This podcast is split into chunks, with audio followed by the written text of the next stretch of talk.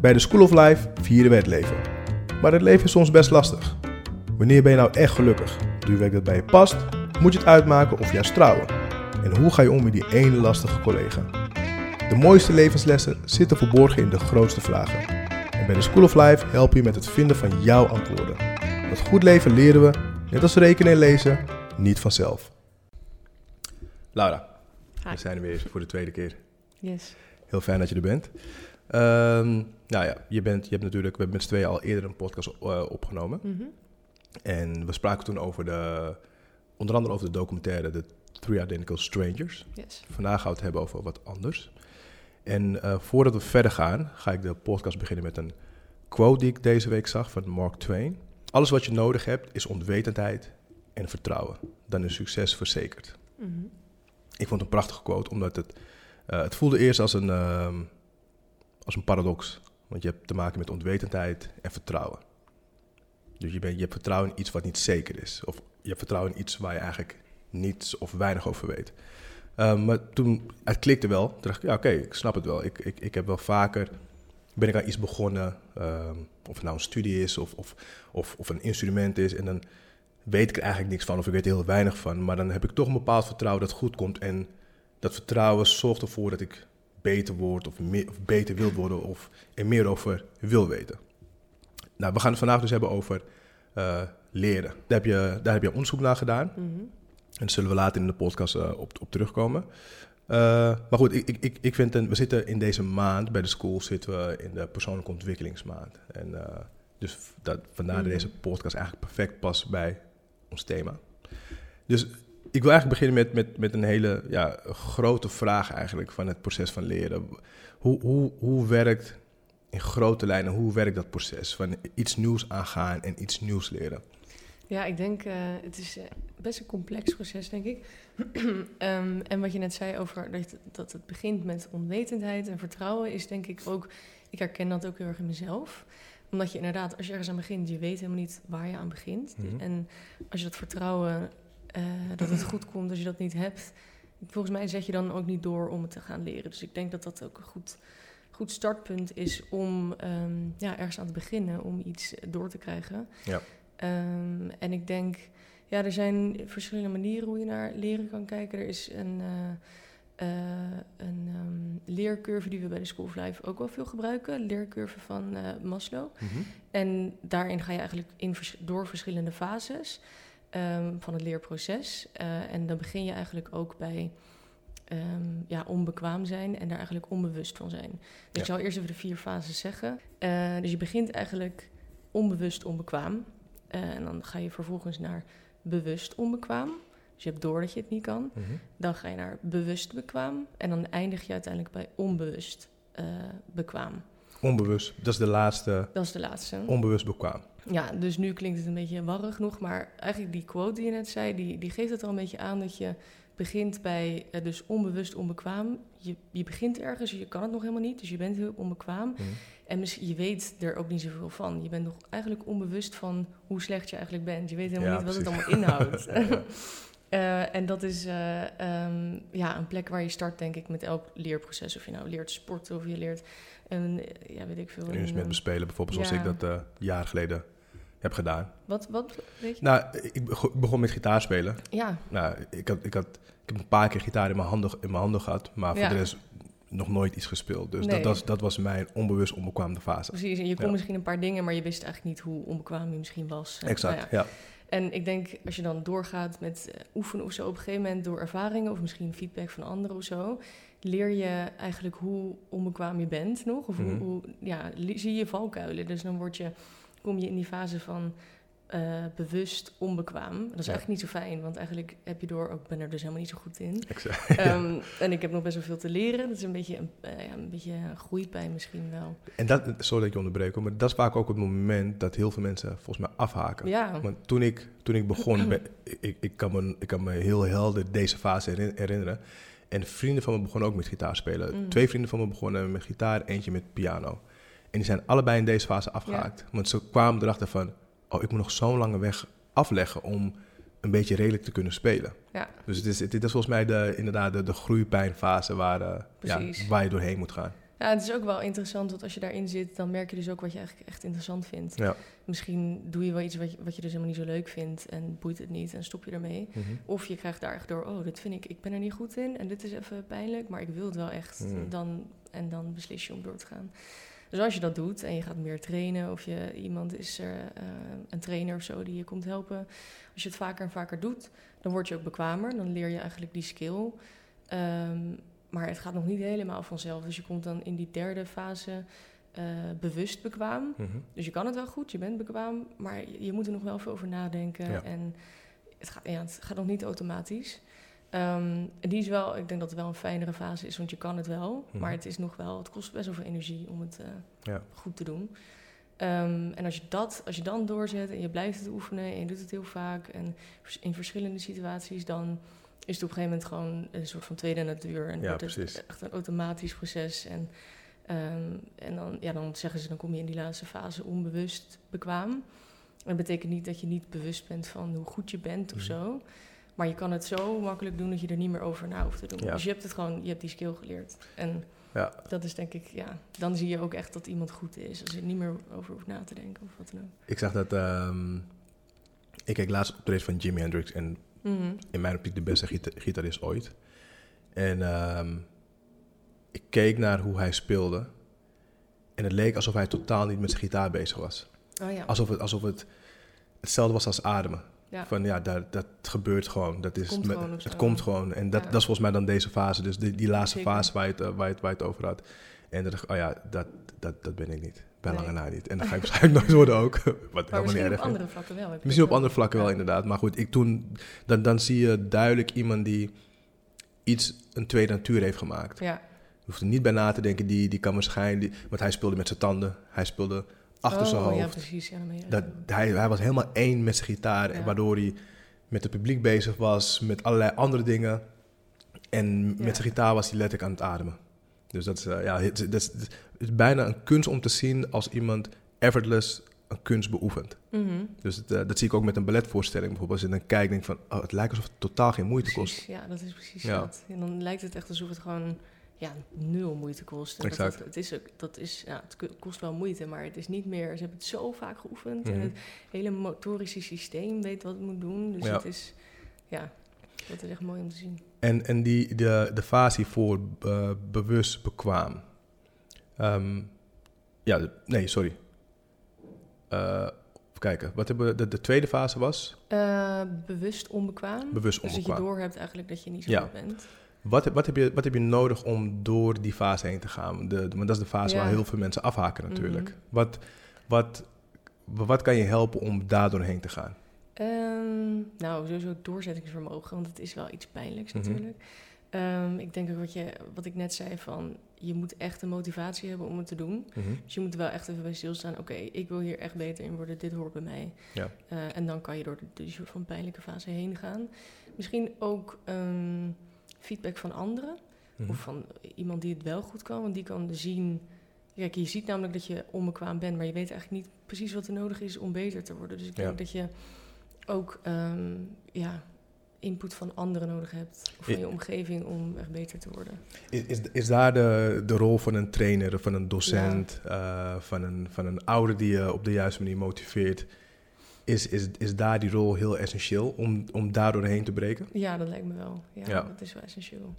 Ja, want ik, ik weet nog dat mijn zus, ehm, we waren jong en wij, we, we waren allemaal sporters. Of we, Mhm. bewogen allemaal, ehm, ik dan voetbal en mijn zus dansen. En mijn zus danste op heel hoog niveau. Ja. Uh, ze danste bij Lucia Martas en kwam ook op tv. Maar op een gegeven moment kwam zij in die haar puberfase, zoals een jaartje of 13, 14.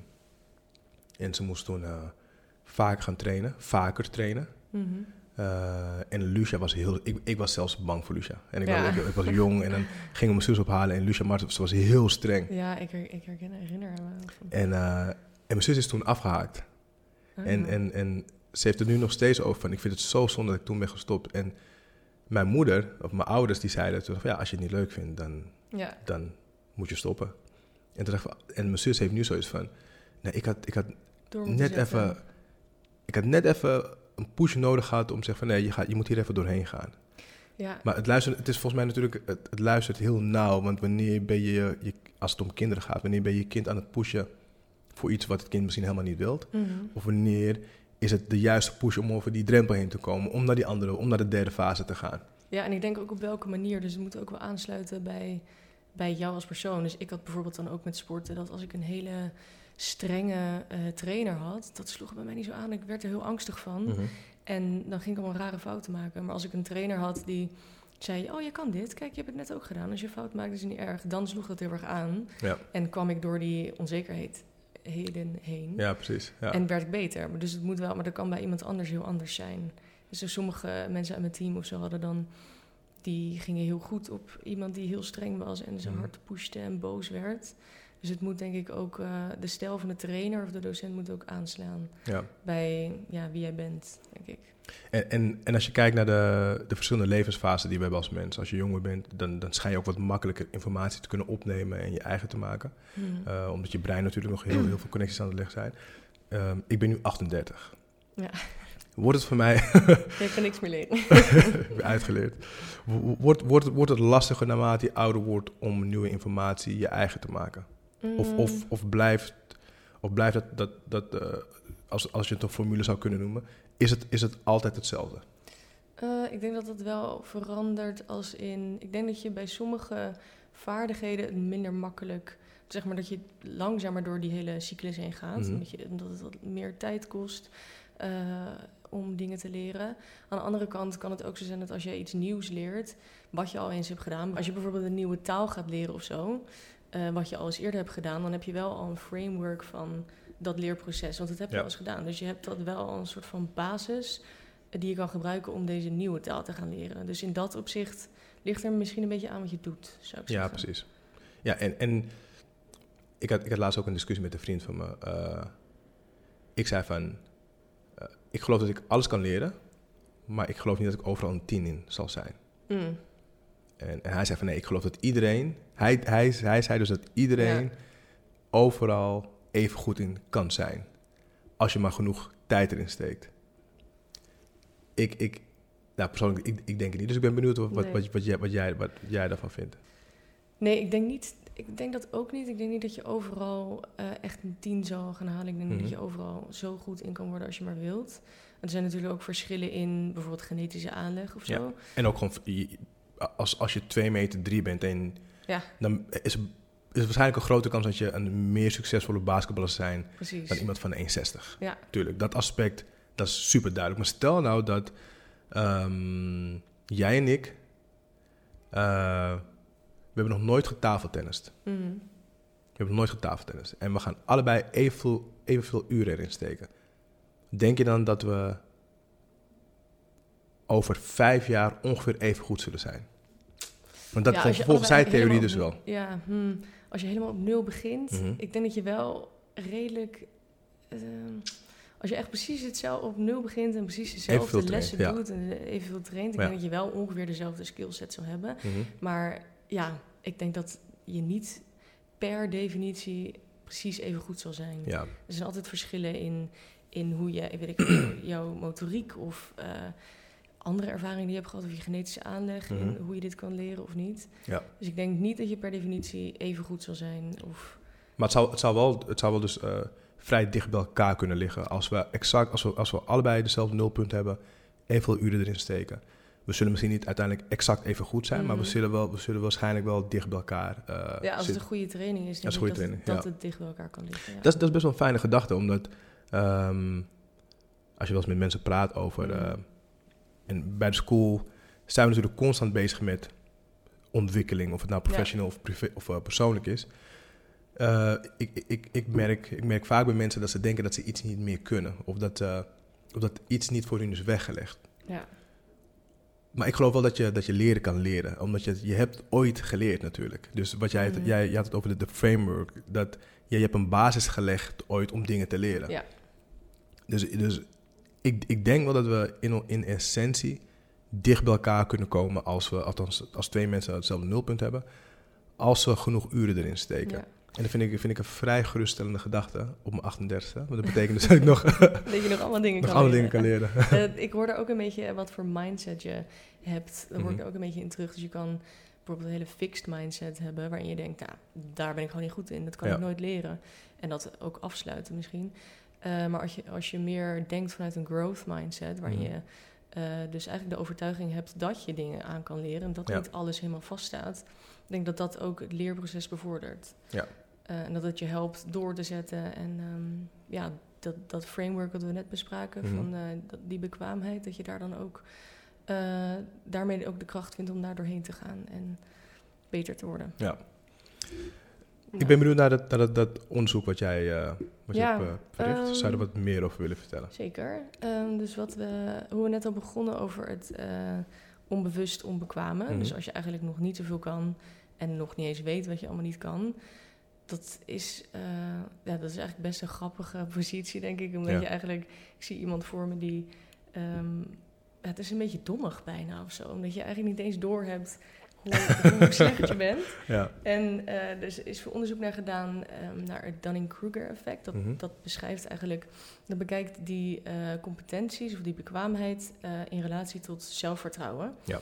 En Dunning en Kruger waren twee onderzoekers en die, on- die ondervonden met een aantal testjes dat mensen die incompetent zijn, dus onbekwaam, Mhm. op een aantal vlakken, vaak cognitieve testjes, bijvoorbeeld een grammatica-testje of zo, die overschatten eigenlijk hoe goed ze waren.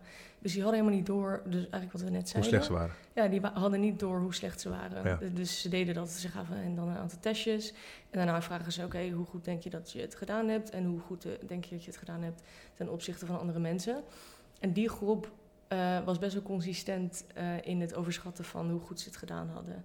Terwijl ze eigenlijk de slechtste waren, dus dat was best ja, een beetje paradoxaal en ook wel grappig. Dus, dus als ik het goed begrijp, de, de, vanuit het onderzoek blijkt dat de meeste mensen die iets niet kunnen, denken dat ze beter zijn dan dat ze daadwerkelijk ja, zijn. precies. Ja. Ja. Ehm, Grappig. En ja, inderdaad. En ze kwamen er Ja. dan ook achter. Nou, waarom komt dat nou? Eigenlijk omdat ze precies de skills die je nodig hebt om die taak te doen, heb je Mhm. ook nodig om te evalueren of je het goed gedaan hebt. Een soort van Mhm. metacognitie eh, die je nodig hebt. Eh, en die heb je juist niet, want je kan de skill niet. Dus je zit een Ja, soort dus van je, in je, een kan, je kan niet checken hoe goed je het hebt gedaan, omdat je niet... Ja, je kan het niet. Dus je Ja, weet ook niet ja, wat er nodig is om het te kunnen. Je kan het niet evalueren. Dus dan denk je, nou, volgens mij ging dit wel oké. dus ik Mhm. Kan het goed. Ehm, ja, daar dus, deden ze onderzoek naar. En dat, dat eh, is heel vaak herhaald met verschillende testjes, verschillende onderwerpen. Ehm, en in Londen deed ik dus een onderzoek eh, met eh Kian West, dat was de professor daar. Mhm. Eh, en die heeft dat ehm, effect, dus het Dunning-Kruger effect, eigenlijk onderzocht in het domein van racisme en seksisme. Ja.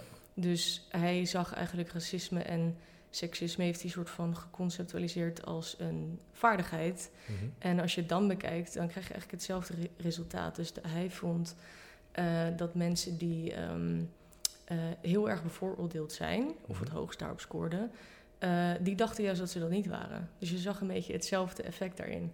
Terwijl de mensen die dat eh, minder waren, die iets egalitairder waren, die onderschatten hun, ehm, eh, onderschatten eigenlijk hun niveau van vooroordelen. Dus die hadden eigenlijk een beter beeld van zichzelf. Maar de mensen die het meest bevooroordeeld waren, Ja. Ehm, racistisch en seksistisch, die dachten: nee, dat ben ik eigenlijk niet. Dat gaat wel goed. Dus dat was, ja.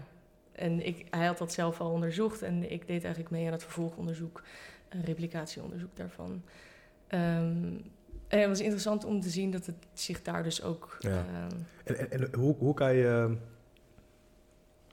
Want als we het hebben over een, een gitaar leren spelen of, of, een- Mhm. of, of, of leren voetballen of, of whatever, dan is het voor mij vrij logisch hoe, eh, hoe die onbekwaam, on- onbekwaamheid kan, kan veranderen. Maar hoe doe je dat bijvoorbeeld in het geval van Ja. racisme? Hoe maak je iemand die niet eh, bekwaam is en het niet racistisch zijn? mhm. Toch? Dat, zo leg ik het goed uit, toch? ja, ja, dus je Ja. kan dan zeggen: hoe maak je iemand egalitairder? Exact. Een beetje stom, Ja. maar. Ja, hoe, hoe, hoe, hoe creëer je dat dan? Ja, dat is lastig. En dat was ook. Dit is misschien een beetje een beginonderzoek daarvan. Mhm. Dat je doorkrijgt. Het is veel onderzoek naar motivatie bij racisme en seksisme. Ik denk Mhm. dat veel mensen het ook niet willen zijn en daardoor proberen te veranderen. Ehm, maar dit onderzoek laat eigenlijk zien van je moet dus bepaalde vaardigheden hebben of bepaalde kennis hebben van het onderwerp om het niet te zijn of om jezelf eh, een goede inschatting te maken van Ja. waar jij staat met je vooroordelen. Dus ik denk, het laat eigenlijk zien eh, van educatie bijvoorbeeld is belangrijk in eh, ten eerste je, je vooroordelen begrijpen, maar ze ook vervolgens te veranderen. Mhm. Ehm, en ja, hoe je dat precies moet doen, je kan het bijvoorbeeld door trainingen doen. Of, eh, maar dit, ja, dat, daar ging dit onderzoek verder niet op in. Ja. het is een beetje een begin daarvan. Lijkt me heel complex, want je, je, je, je moet, je moet aan iemand vertellen eh, die iets niet van zichzelf vindt, ja, dat het eigenlijk misschien wel is. Of meer dan, dat hij, dan hij of zij van meer dan zichzelf vindt. dacht. Binnen een dag. Ja, Ehm, en je moet er dus voor zorgen dat diegene open staat voor, eh, voor de kennis. Om ervoor te zorgen Ja. dat, dat, is, dat is een heel, heel complex ik iets. denk dat iemand ook heel defensief wordt. Ja, je wordt Ik automatisch. Ja, natuurlijk. Want als je mij zou beschuldigen voor iets waarvan ik vind dat ik dat niet ben. Als je tegen mij zegt: Ja. van, Dwight, ik, vind- ik vind jou een leugenaar. Ja, En ik zeg van nee, nee ik, ik, ik ben altijd eerlijk. precies. En vervolgens vraag je van mij om vaker eerlijker te zijn. Maar als ik denk dat ik al altijd eerlijk ben, Mhm. ja, hoe moet ik dan nog eerlijker zijn dan, dan het absolute? Want ik, ik, voor mij hoe ben ik al Ja. absoluut eerlijk. Dat is, oh, dat is een heel, heel complex probleem. Ja, dat is heel complex. En ik Ja. denk dat het dus helpt als wij dan in gesprek gaan over wat eerlijkheid eigenlijk is. Misschien heb jij een heel soort van simplistisch idee van wat eerlijkheid is. Mhm. En begrijp ik, ik zeg niet dat ik dat begrijp, maar Mhm. als we in gesprek zouden zijn, stel ik heb een hele complexe of diepgaand begrip van eerlijkheid, dan leer ik jou misschien waarom ik denk dat je een leugenaar bent. Dus Ja. dat kan ook eh, ehm, bij ja, dit onderzoek over seksisme en eh, racisme zijn van misschien denken de mensen die ehm, dus eigenlijk best bevooroordeeld waren, Mhm. maar niet vonden dat ze dat waren, eh, die hebben misschien een heel simplistisch idee van wat, van wat racisme eigenlijk is. Ja, misschien precies. dachten zij, ja, ik zeg nooit iets vervelends eh, tegen iemand, dus ik ben niet racistisch. Maar hebben ze niet door dat er bepaalde eh, gedragingen die zij doen ook racistisch zijn? Ja, ja, omdat dat ze dat begrip niet hebben. Dus je moet een andere invalshoek kiezen om, Ja, misschien om, moet je, om ze te raken of om ze te bereiken. ja, misschien moet je niet zeggen, eh, jij bent racistisch en je weet dat niet. Want ik denk dat heel veel mensen dan denken, ja, dan worden ze defensief en Mhm. sluiten zich af. Maar als je misschien begint met eh, bespreken wat racisme eigenlijk is of wat seksisme eigenlijk is. Ja. Ehm, ja, en dat het complexer is en breder is dan je in eerste instantie zou denken. Dan krijg je mensen misschien mee om te, in, in erkenning van, oh, misschien weet ik er niet zoveel van af. En eh, ja, krijg je mensen mee in daarin leren Ja. en Ja, zelf inzicht te creëren. Ja, en stel dat je, dat je dit, dit model op jezelf zou toepassen. Als, je, ehm, als je iets nieuws aangaat, je, je gaat een nieuwe training, je begint aan een nieuwe training of iets waar je niet goed in bent. Hoe is, is het mogelijk om dit op jezelf toe te passen, om daar een soort van bewustzijn in te creëren, waardoor je meer open staat voor, voor nieuwe kennis? Ehm, ja, ik denk wel als je er bewust van bent, misschien in welke fase je zit of zo. Dat je wel, ehm, ja, dat het wel uiteindelijk je leren verbetert. Dus stel, Ja. ik, ben, ik be- begin het ergens aan en ik denk, wow, ik ben hier supergoed in. En, Mhm. eh, dan, en ik, weet, ik, ik ken dit model, dan kan het me misschien wel ietsje meer eh, richting geven om te denken, oké, misschien is dit de beginfase, Ja. ben ik nog vol vertrouwen, maar er komt nog weet je, een moeilijkere fase aan. En ik denk dat het een soort van begeleiding kan geven in, in je leerproces. Ja, waar ik nog, waar ik nog nieuwsgierig aan ben, is ehm, als we het over die vier fases hebben. Mhm. Ehm, de, de leercurve, eh, de leercurve is dat toch? Ja. We hebben de, de laatste twee fases, de bewust bekwamen en de, bewust, de onbewust bekwamen. Waar gaat het absolute verschil in, in zitten als we moeten presteren? Ja, precies. Je zou denken dat het best lastig is om te zien, want misschien Mhm. hebben we dezelfde skills. Ehm, maar je ziet het, eh, een grappig voorbeeld daarvan is eigenlijk als er bijvoorbeeld als de, eh, een bepaald spanningslevel hoger is. Zoals er bijvoorbeeld, ze hebben veel testjes gedaan met als er een, een groep mensen bij is, een audience of zo. Ja. En dan kijken hoe dat eh, de prestaties van verschillende sporters, of eh, maakt niet uit wat je doet, hoe dat dat beïnvloedt. Dus stel, nou, wij voetballen allebei. Mhm. Eh, jij bent supergoed, je hebt al heel veel, ehm, eh, ja, je hebt je hele leven goed gevoetbald, dus jij bent waarschijnlijk de onbewust bekwame. Mhm. Het gaat vanzelf. Eh, ik ben er net mee begonnen en ik ben oké, maar ik ben nog over van alles aan het nadenken wat ik moet doen. Dus ik ben nog, ik ben bekwaam en ik ben me nog wel heel erg bewust van wat ik doe. Ja. En als wij dan tegen elkaar zouden spelen, zou niemand bij zijn, dan zijn we- gaat het goed, misschien bij ons allebei, hopelijk. Ehm, maar als er een, een groep mensen bij komt kijken, Mhm. dan eh, gaat er vanzelf bij ons eigenlijk al een bepaalde spanning spelen. Want ja, ze kijken naar ons, we willen ook een goede impressie maken. Er zit al van nature eh, wordt, het, wordt de spanning hoger. Ja. En bij de onbewust, nee, eh, ja, de onbewust bekwamen, dus jou in dat geval, jij zal waarschijnlijk beter gaan spelen. Want bij jou verzorgt die, die spanning voor meer focus.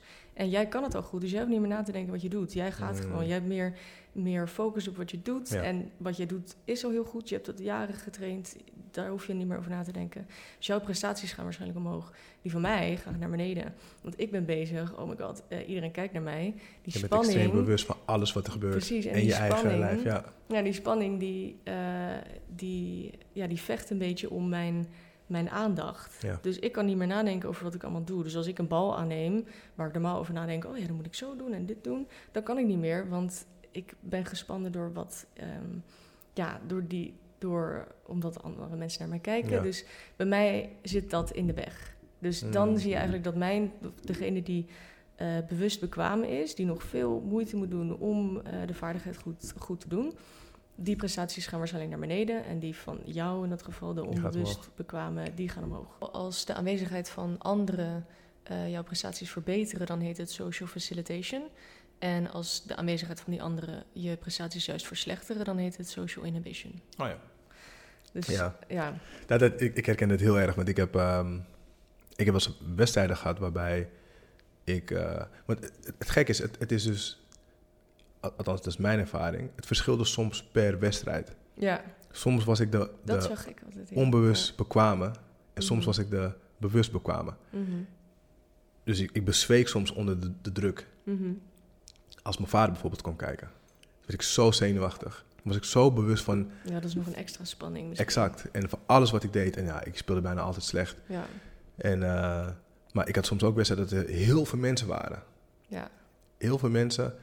En dan kon ik, nik, kon ik niemand zien. Ik zag niemand. Alles flowde. En dan speelde ik juist beter. Ja. En dan, eh, ja, en dat heel is ook gek. omdat bij jou dan automatisch gedrag is. Dus het is altijd in elke, of je nou goed bent of niet, in elke situatie, als de spanning hoog is, Mhm. dan, dan slaat jouw lichaam automatisch terug op wat hij al kan. Ja, Want hij heeft niet zoveel ruimte om allemaal dingen uit te Mm. zoeken. Eh, dus degene die bij mij, als ik dan de bewust bekwame ben, ik heb nog niet alle vaardigheden helemaal perfect. Dan, dan slaat mijn lichaam ook terug op wat hij automatisch goed kan. En dat is nog niet het niveau wat ik eigenlijk zou willen. Dus ik, ik kan dan in één keer, ik maak ineens allemaal fouten. ja. Terwijl degene die er al heel goed in is en dat onbewust gewoon prima kan doen, die eh, prestaties gaan omhoog. I- i- Is, dat, is dat ehm, en misschien is het heel wat anders, hoor, maar daar ben ik nieuwsgierig naar. Mhm. Is, is, dat, is dat een beetje hetzelfde krijgen als een blackout? Als je een tentamen hebt en je, bent je staat strak van de spanning? Ja, ik denk dat dat, ik weet niet of dat eh, precies hetzelfde effect is hoor. Ik kan me wel voorstellen dat het een beetje Daar daarop in de buurt, lijkt. ja. Want je hebt wel een bepaalde kortsluiting van, Mhm. eh, er is zo'n verhoogde spanning dat je gewoon niet meer goed na kan denken. Ja. Dus ja, dat is wel interessant trouwens als je ook, ik denk ook de onbewust bekwame, als de spanning echt te hoog is, dan Mhm. gaan daar ook problemen komen. Ja, precies. Want ja. dan kan je, je gewoon niet meer functioneren. Dan dus het je moet wel een systeem soort van gewoon, eh, perfect, ja. zit wel een ehm, ja, balans moet er wel zijn. Ja. Nou, ik, ik, vind, ehm, ik vind het interessant om te leren. Want ik, ik denk ook op het, moment dat ik, ik, op het moment dat ik nu iets aan zal gaan, als ik iets moet leren. Mhm. Als je bewust bent van al die fases, dan is het ook soms wat makkelijker om door die fases heen te gaan. Want je hebt van, oh, Ja. ik zit nu hier waarschijnlijk. Ik moet hier even doorheen gaan, maar dan kom ik Precies. in deze fase. En eh, je, je, je, kan, je kan nog wel eens de neiging hebben op het moment dat het, dat het wat zwaarder wordt als je in die groeipijnfase fase zit. denk ik van, ah, nou, maar dan is het misschien gewoon niks voor mij. Ja, Maar als je bewust bent van dat model en hoe, in, in, in hoe dat werkt, dan weet je, oh, ik zit waarschijnlijk nu in deze fase, ik moet hier doorheen gaan. En dan ga ik Mhm. naar de bewust bekwamen. En uiteindelijk hopelijk natuurlijk naar de onbewust bekwamen. ja. En ook mooi om te zien dat waarschijnlijk iedereen, ook al eh, zie je iemand die al alles helemaal goed kan, die heeft waarschijnlijk de- al die stapjes ook doorlopen. Exact. Ja, we beginnen allemaal Dus- natuurlijk Ja. op een punt dat we niks of iets niet kunnen. Mhm. Ja. Ja. Dankjewel. Niks.